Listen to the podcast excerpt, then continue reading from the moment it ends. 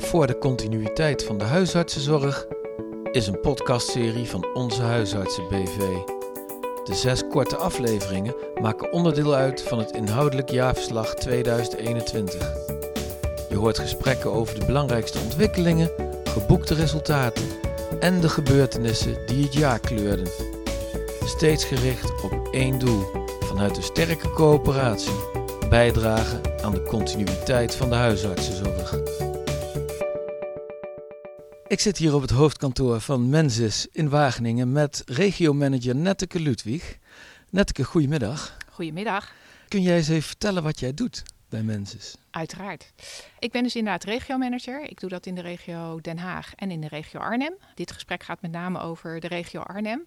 En ik maak afspraken met huisartsen en met ziekenhuizen. En daarnaast is een belangrijke taak voor mij, uh, ja, hoe organiseren we nou het zorglandschap in de regio Arnhem? En daar ja, spreek ik verschillende partijen over en daar proberen we met elkaar uh, de uitdagingen in de regio uh, aan te vatten. Ja, en een van die partijen is natuurlijk onze huisartsen. Dat is toch de aanleiding waarom we hier in dit prachtige gebouw zitten.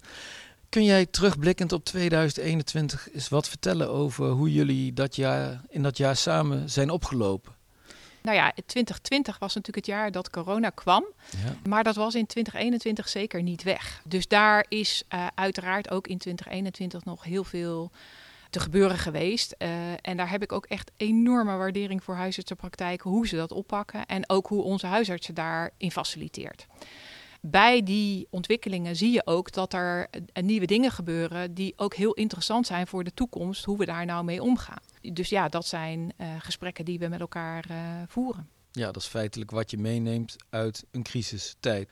Na de tijd erna. Ja, absoluut. Ja. Ja, kun je daar eens een concreet voorbeeld van noemen? Ja, een heel concreet voorbeeld was natuurlijk dat eigenlijk acuut alle uh, locaties zoveel mogelijk werden gesloten voor patiënten. Daar waar patiënten nog steeds uh, behoefte aan zorg hebben. Dus je zag ineens dat de ontwikkeling van digitale consulten heel snel ging. Het fijne daarvan is dat uh, we aan de voorkant eigenlijk al geprobeerd hadden om deze ontwikkelingen op gang te krijgen. En daar kregen we best wat weerstand uh, op die ontwikkeling. Met name vragen van, ja, kunnen patiënten dit wel? En zeker als ze een wat oudere leeftijd hebben. Ja. Maar vind ik dit als zorgprofessional ook wel een fijne manier van werken? Ja. Heb ik dan wel genoeg feeling met mijn patiënt? Ja, en we, en we ontdekten, en uh, dat kreeg ik ook heel erg terug van uh, huisartsen. Ja, het, het werkt eigenlijk veel beter dan dat ik van tevoren had doen vermoeden. Dat wil niet zeggen dat het in alle gevallen een perfect iets is. Want er zijn nog absoluut veel situaties waar je juist wel de patiënt moet zien. Lichamelijk onderzoek kan je nog steeds niet via het beeldscherm doen. Maar er zijn wel steeds meer mogelijkheden. En je ziet dat dat wel uh, een andere inrichting van de zorg mogelijk maakt. Nou, dat is, dan, dat is dan een concreet voorbeeld van wat uit coronatijd als het ware meegenomen kan worden. Heb je nog andere ontwikkelingen gezien in 2021 waarvan je zegt van ja, dat zijn wel dingen waar we mee aan de gang moeten met z'n allen?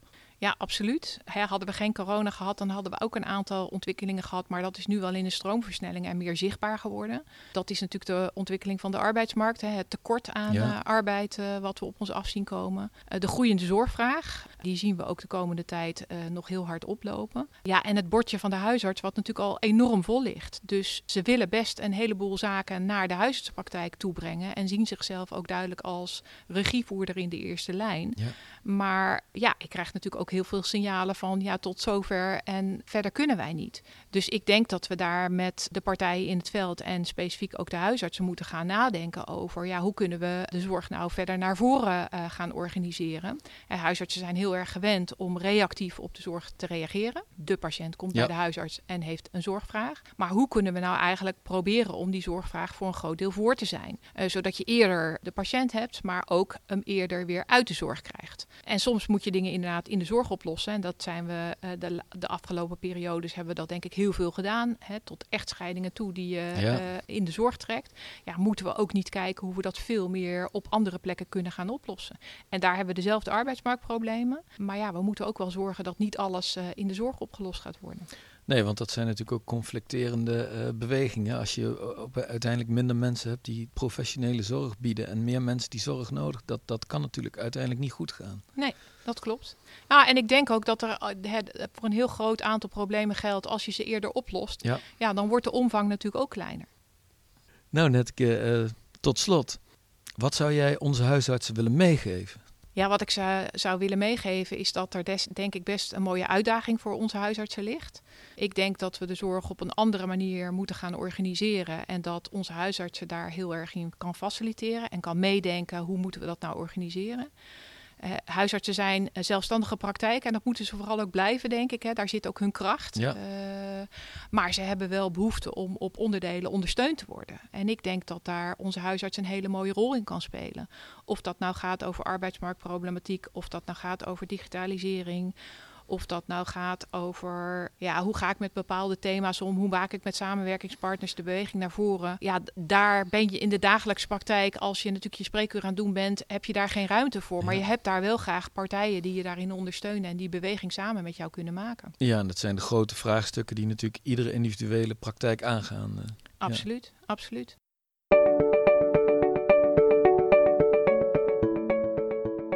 Je luisterde naar Voor de continuïteit van de huisartsenzorg. Een podcastserie van Onze Huisartsen BV. Deze serie telt zes afleveringen die je kunt beluisteren via je favoriete podcast-app of de website www.onzehuisartsen.nl. Daar vind je ook meer informatie over Onze Huisartsen BV. Bedankt voor het luisteren.